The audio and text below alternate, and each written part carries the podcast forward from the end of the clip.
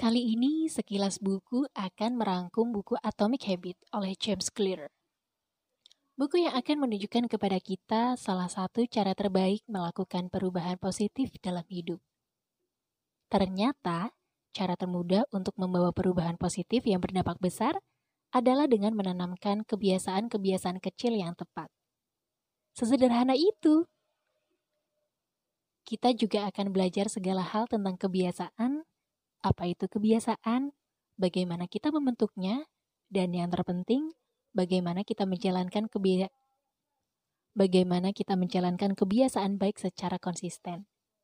Selain itu, kita jadi mengetahui bahwa dengan mengikuti langkah-langkah praktis dan sederhana, seperti mengubah sedikit perilaku dan kegiatan kecil kita, kita bisa mencapai hasil yang luar biasa. K.1 kebiasaan kecil berdampak besar. Bayangkan sebuah pesawat yang lepas landas dari Los Angeles dan menuju New York. Jika saat take off, sang pilot memutuskan untuk sedikit mengubah arah tiga setengah derajat ke selatan. Hidung pesawat mungkin hanya bergeser beberapa meter. Selain pilot, semua orang yang berada dalam pesawat tidak akan tahu pergeseran tersebut. Tapi, selama perjalanan melintasi negeri, dampak perubahannya akan terasa dan para penumpang yang kebingungan akan turun dari pesawat mereka di Washington DC, bukan New York yang jaraknya terpaut ratusan kilometer. Kita tidak memperhatikan perubahan-perubahan kecil karena dampak langsungnya hampir tidak terlihat. Jika tubuh kita saat ini kelebihan berat badan dan kita memutuskan untuk jogging 20 menit, keesokan harinya ya tidak akan ada perubahan apa pun. Begitu juga sebaliknya jika hari ini kita makan makanan fast food, nggak akan langsung bikin kita jadi obesitas besok hari. Tapi, jika kita terus mengulangi perilaku-perilaku kecil tersebut dari hari ke hari, pilihan-pilihan kita tersebut akan terakumulasi dan hasilnya akan terlihat. Makanan fast food setiap hari, dalam waktu beberapa minggu atau bulan, kita bakal jadi obesitas parah. Bersepeda pulang pergi ke kampus atau kantor setiap hari, pasti dalam beberapa minggu atau bulan kita akan jadi lebih fit dan sehat. Walau mungkin kita nggak akan terlalu menyadari perubahannya. Jika kita ingin membuat perubahan positif dalam hidup, kita harus menyadari bahwa perubahan butuh kesabaran. Dan juga harus percaya bahwa kebiasaan tersebut membuat kita berada di proses yang tepat, walau kita sendiri tidak melihat dampak dan hasilnya secara langsung. Jadi, jika kita mendapati bahwa perilaku dan kebiasaan kita tidak menunjukkan hasil, cobalah untuk fokus dan terpusat pada prosesnya. Alih-alih fokus pada hasilnya.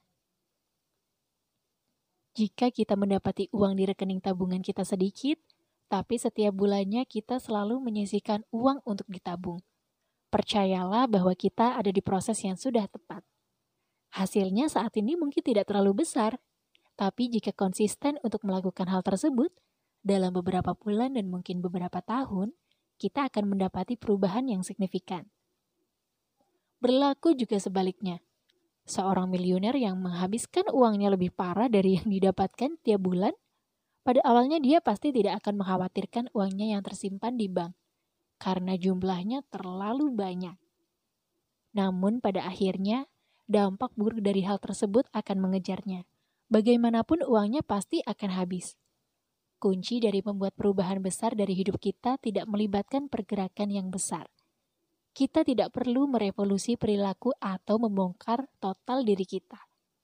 Merekonstruksi ulang diri kita dengan ikut seminar atau workshop motivator. Apa pun genrenya, cukup dengan membuat perubahan-perubahan kecil pada perilaku kita. Dan kita lakukan berulang-ulang. Terus-menerus akan menjadi kebiasaan yang akan menuntun kita ke dampak dan hasil yang besar.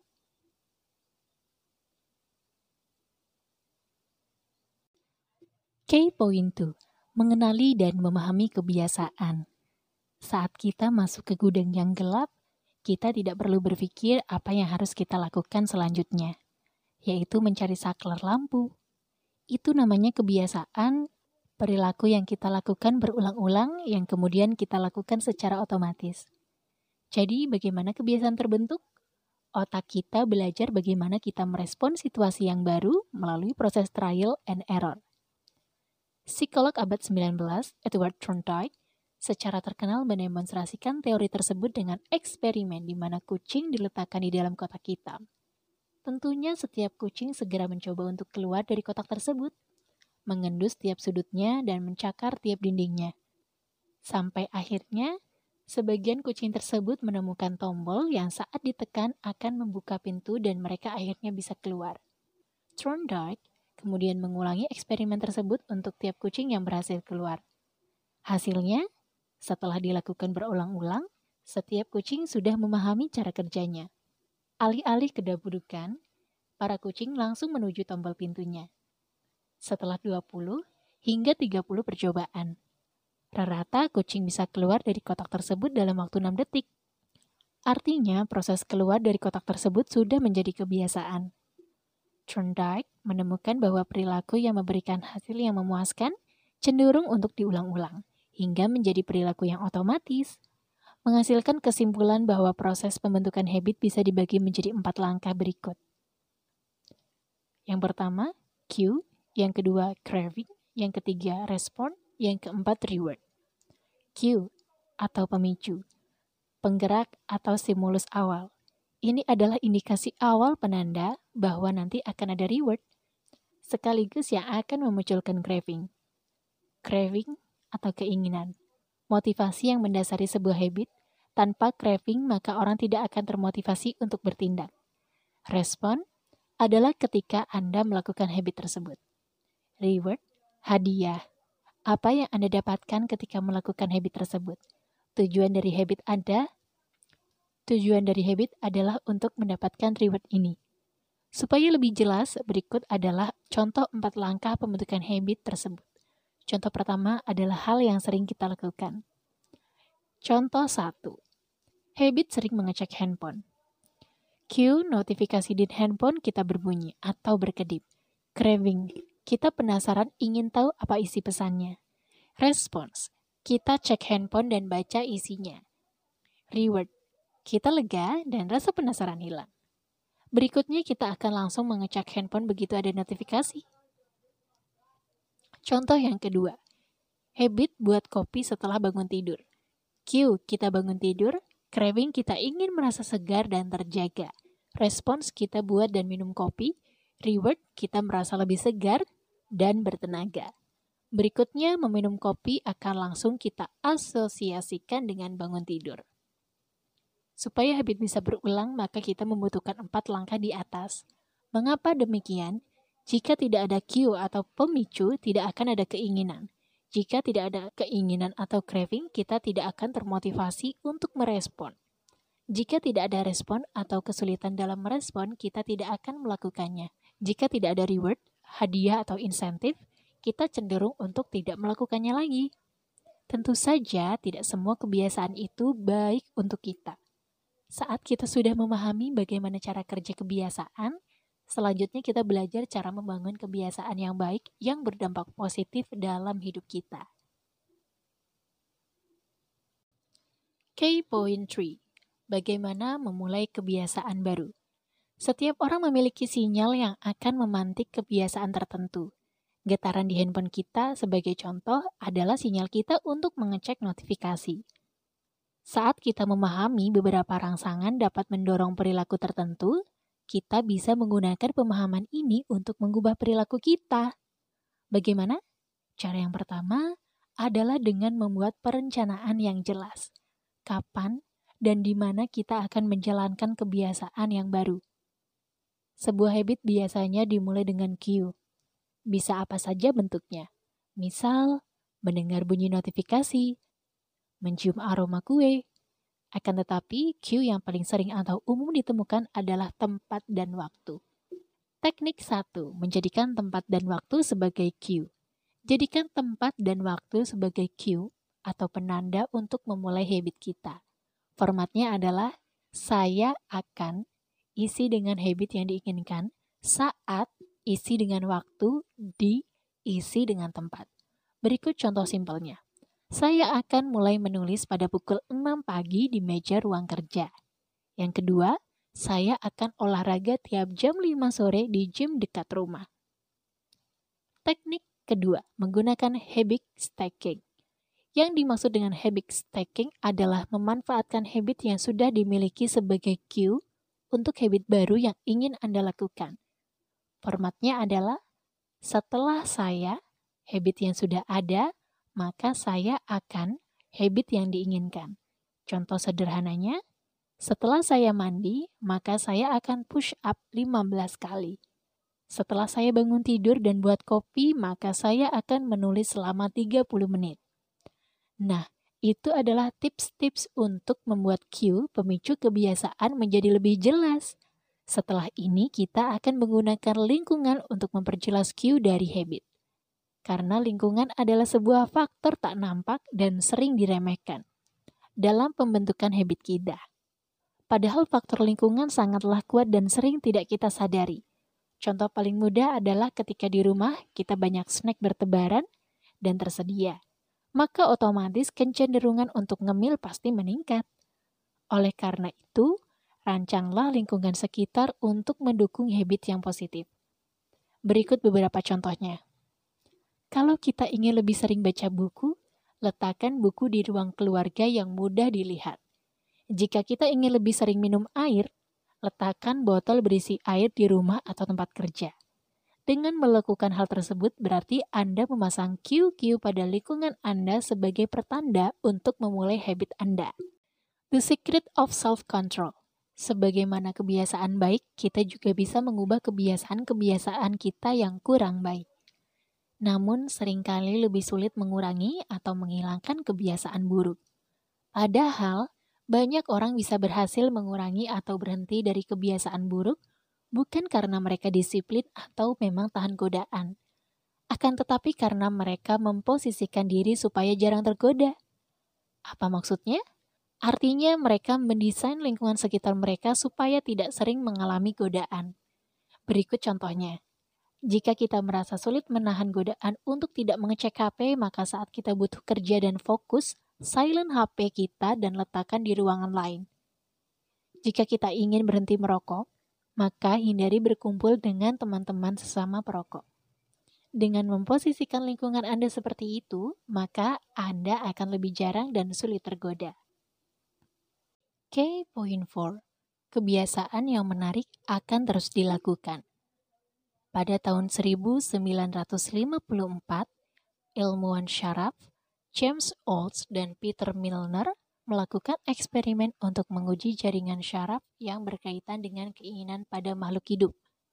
Menggunakan elektroda, mereka memblokir syaraf penghasil dopamin pada tikus. Hasilnya, tikus percobaan tersebut kehilangan keinginan untuk hidup. Mereka tidak memiliki keinginan untuk makan, minum, berkembang biak, atau bahkan melakukan apa pun. Beberapa hari kemudian, tikus-tikus tersebut mati karena kehausan. Otak manusia mengeluarkan dopamin, hormon yang membuat kita merasa senang saat kita melakukan sesuatu yang mengasyikkan seperti makan atau bermain game. Tidak hanya itu saja, dopamin diproduksi tidak hanya ketika kita melakukan kegiatan-kegiatan yang menyenangkan tersebut, namun juga dihasilkan saat kita menantikan kegiatan tersebut. Ketika kita mengantisipasi sesuatu yang menyenangkan, kadar dopamin meningkat yang diiringi dengan motivasi kita. Jadi yang memotivasi dan menggerakkan kita untuk bertindak adalah rasa penantian atas reward atau insentif yang kita sukai. Jadi bagaimana penerapannya dalam proses pembentukan habit? Gunakan konsep temptation bundling, yaitu sebuah konsep yang menggabungkan kebiasaan yang ingin kita latih dengan hal-hal atau kegiatan yang kita sukai. Berikut adalah contohnya. Contoh yang pertama, kita harus menulis konten tapi kita juga ingin main game. Maka yang bisa kita lakukan, setelah bikin kopi, maka kita langsung menulis satu artikel baru kemudian kita bisa main game. Contoh kedua, kita suka mendengarkan podcast dan kita juga harus berolahraga. Maka kita berkomitmen hanya mendengarkan podcast saat bersepeda.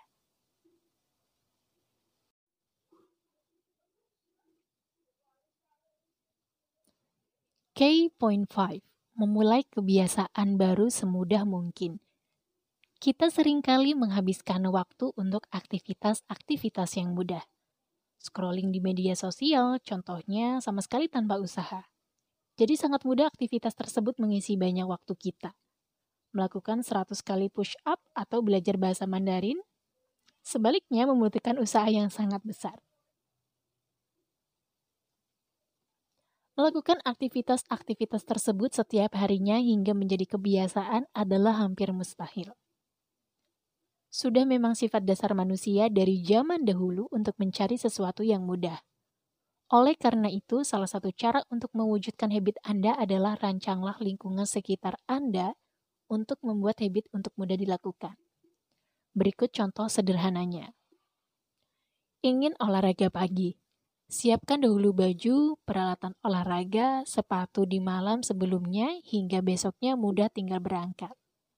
Ingin lebih sering makan sehat. Potong dahulu buah dan letakkan di kotak. Nanti ketika lapar atau ingin menyantap snack, Anda tinggal makan, tidak perlu kupas-kupas. Kita juga bisa menggunakan pendekatan untuk meningkatkan friksi terhadap kebiasaan-kebiasaan buruk. Jika kita ingin mengurangi waktu yang kita habiskan menonton TV, cabutlah kabelnya dan ambil baterainya dari remote-nya.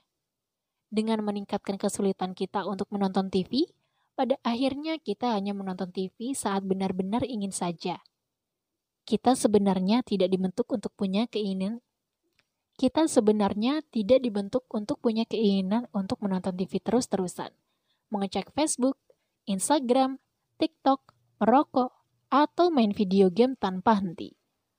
Pada tingkatan yang lebih dalam sebenarnya yang kita inginkan adalah mengurangi ketidakpastian, menghilangkan kegelisahan, diterima dan direspek orang lain dan mendapatkan status.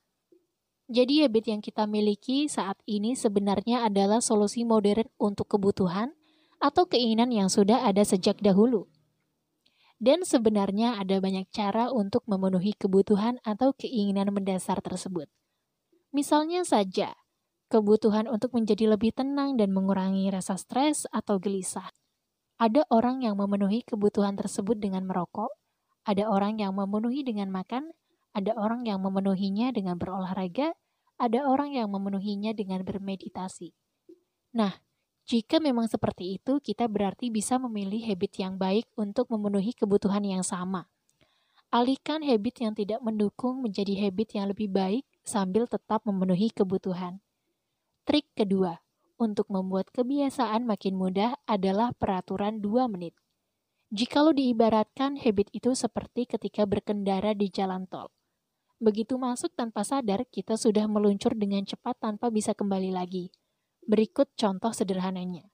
Kita tidak bisa berhenti nonton film, yang padahal ceritanya juga tidak bagus-bagus amat. Sekali ngemil kacang, kita kita tidak bisa berhenti padahal sudah kenyang. Awalnya kita mau cek sosial media 2 menit saja, tapi saat ini sudah 30 menit dihabiskan di depan handphone. Sebenarnya kita bisa memanfaatkan fenomena di atas untuk memulai habit yang baik. Yang penting kita memulai dulu, walaupun hanya langkah sederhana. Nantinya momentumlah yang akan membawa kita untuk terus melakukan dan melanjutkan habit tersebut. Oleh karena itu, ketika memulai sebuah habit baru, rancanglah bahwa untuk melakukannya hanya dibutuhkan 2 menit atau kurang. Inilah yang disebut aturan 2 menit. Berikut contoh aplikasinya. Membaca buku sebelum tidur diganti membaca buku satu halaman. Latihan yoga 30 menit diganti menjadi siap-siap dan menggelar yoga mat. Lari 2 km menjadi pakai sepatu untuk berlari. Konsepnya adalah buatlah suatu habit menjadi mudah untuk dimulai. Setelah berhasil memulai dan membiasakan yang paling mudah dan singkat, maka kita bisa meningkatkan kebiasaan kita menjadi lebih intensif secara bertahap. Sekarang saatnya kita melihat key point untuk memastikan agar kita terus mengulang-ulang kebiasaan baik yang sudah kita bentuk. Key point 6 membuat kebiasaan untuk langsung memberikan kepuasan itu sangat efektif untuk melakukan perubahan perilaku. Kita cenderung mengulang sebuah kebiasaan kalau kita mendapati bahwa hal tersebut memberikan kepuasan. Seringkali kepuasan itu bisa berupa hal-hal yang sifatnya sederhana, misalnya rasa segar dan aroma yang wangi setelah selesai gosok gigi. Ketika rasa puas itu terjadi, maka kita memberikan sinyal ke otak bahwa, wah, ini rasanya enak dan menyegarkan. Ke depannya boleh deh hal ini dilakukan lagi. Nah, akan tetapi ada satu lagi triknya. Kita tidak hanya semata mencari kepuasan aja. Akan tetapi, kita mencari kepuasan instan, immediate satisfaction.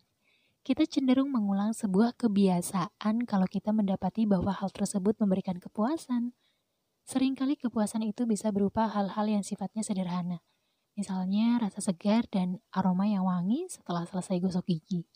Ketika rasa puas itu terjadi, maka kita memberikan sinyal ke otak bahwa wah ini rasanya enak dan menyegarkan. Ke depannya boleh deh hal ini dilakukan lagi di masa sekarang ini, banyak hal yang kita lakukan tidak langsung mendatangkan manfaat saat itu juga. Banyak hal yang sifatnya adalah kepuasan yang tertunda, delay return. Keputusan atau tindakan yang kita lakukan saat ini baru mendatangkan ganjaran atau manfaat jauh ke depan. Misalnya, kita mulai pola hidup sehat saat ini supaya di masa tua badan kita masih tetap fit. Kita berhemat dan menabung supaya ketika nanti pensiun bisa bebas finansial. Jadi masalah karena banyak kebiasaan buruk yang sifatnya langsung memberi immediate satisfaction dan banyak kebiasaan baik yang sifatnya adalah delay return.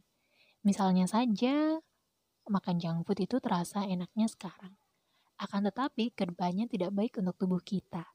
Shopping berlebihan akan langsung memuaskan kita. Akan tetapi, ke depannya kita tidak punya tabungan.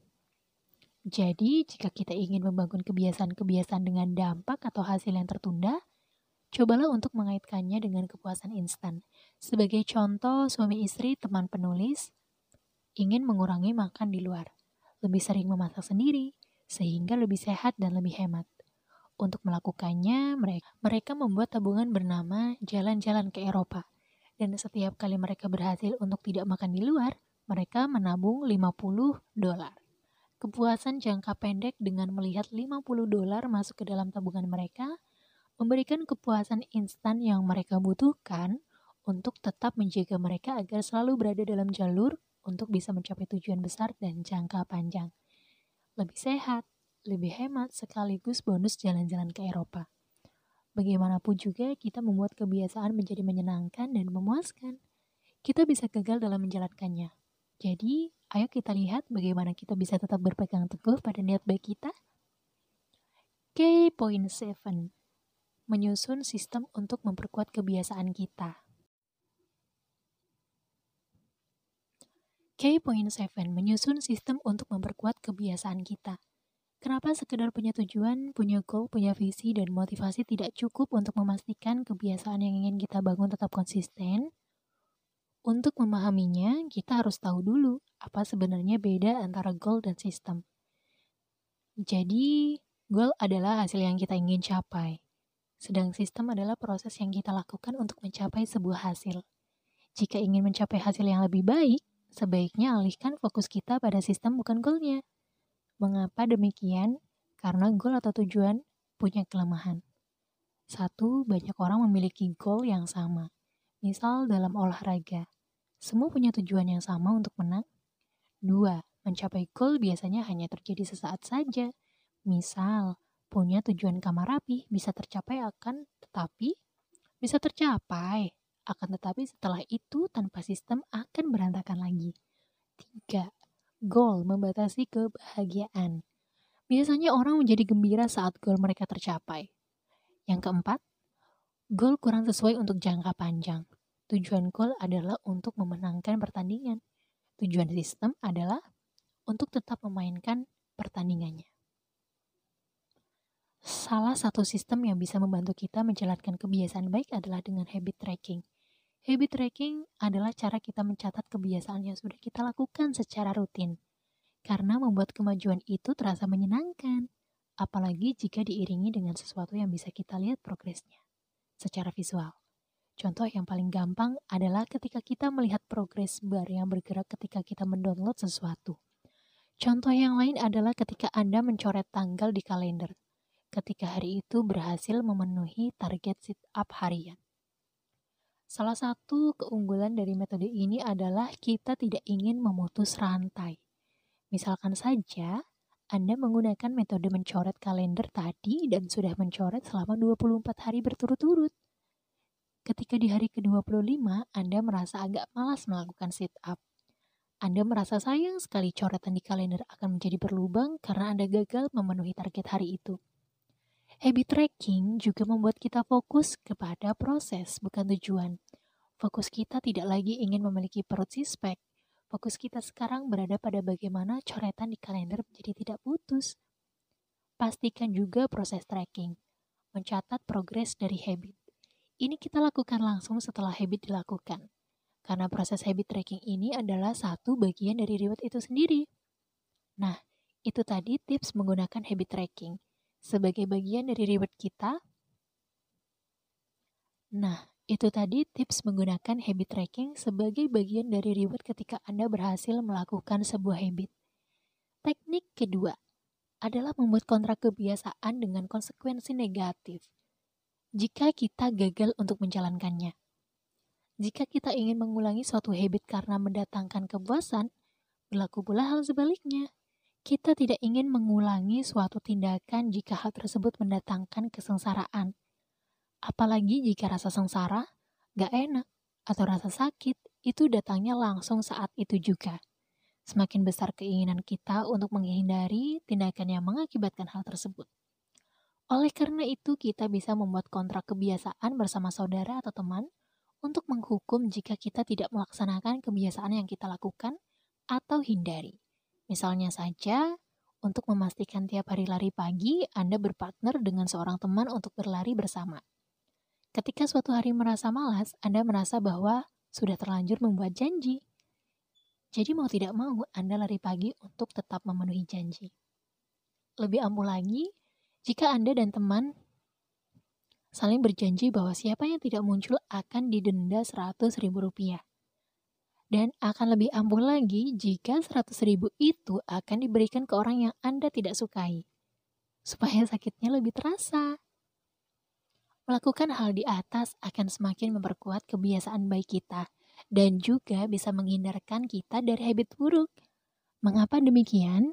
Karena konsekuensi untuk tidak melakukan kebiasaan yang baik atau melakukan kebiasaan buruk sangatlah tidak mengenakan. Ingin sifat dasar kita mencari kepuasan dan menghindari kesengsaraan. Key message, perubahan kecil pada perilaku kita tidak akan mengubah hidup kita dalam semalam, tapi menjadikan perubahan perilaku tersebut menjadi kebiasaan yang kita lakukan setiap hari, hal tersebut akan membawa kita menuju perubahan besar. Mengubah hidup kita bukanlah dengan membuat gebrakan besar atau merevolusi dan merombak total seluruh hidup kita, namun, dengan membangun kebiasaan-kebiasaan yang positif, yang jika kita gabung, yang jika digabungkan akan memberikan hasil yang luar biasa.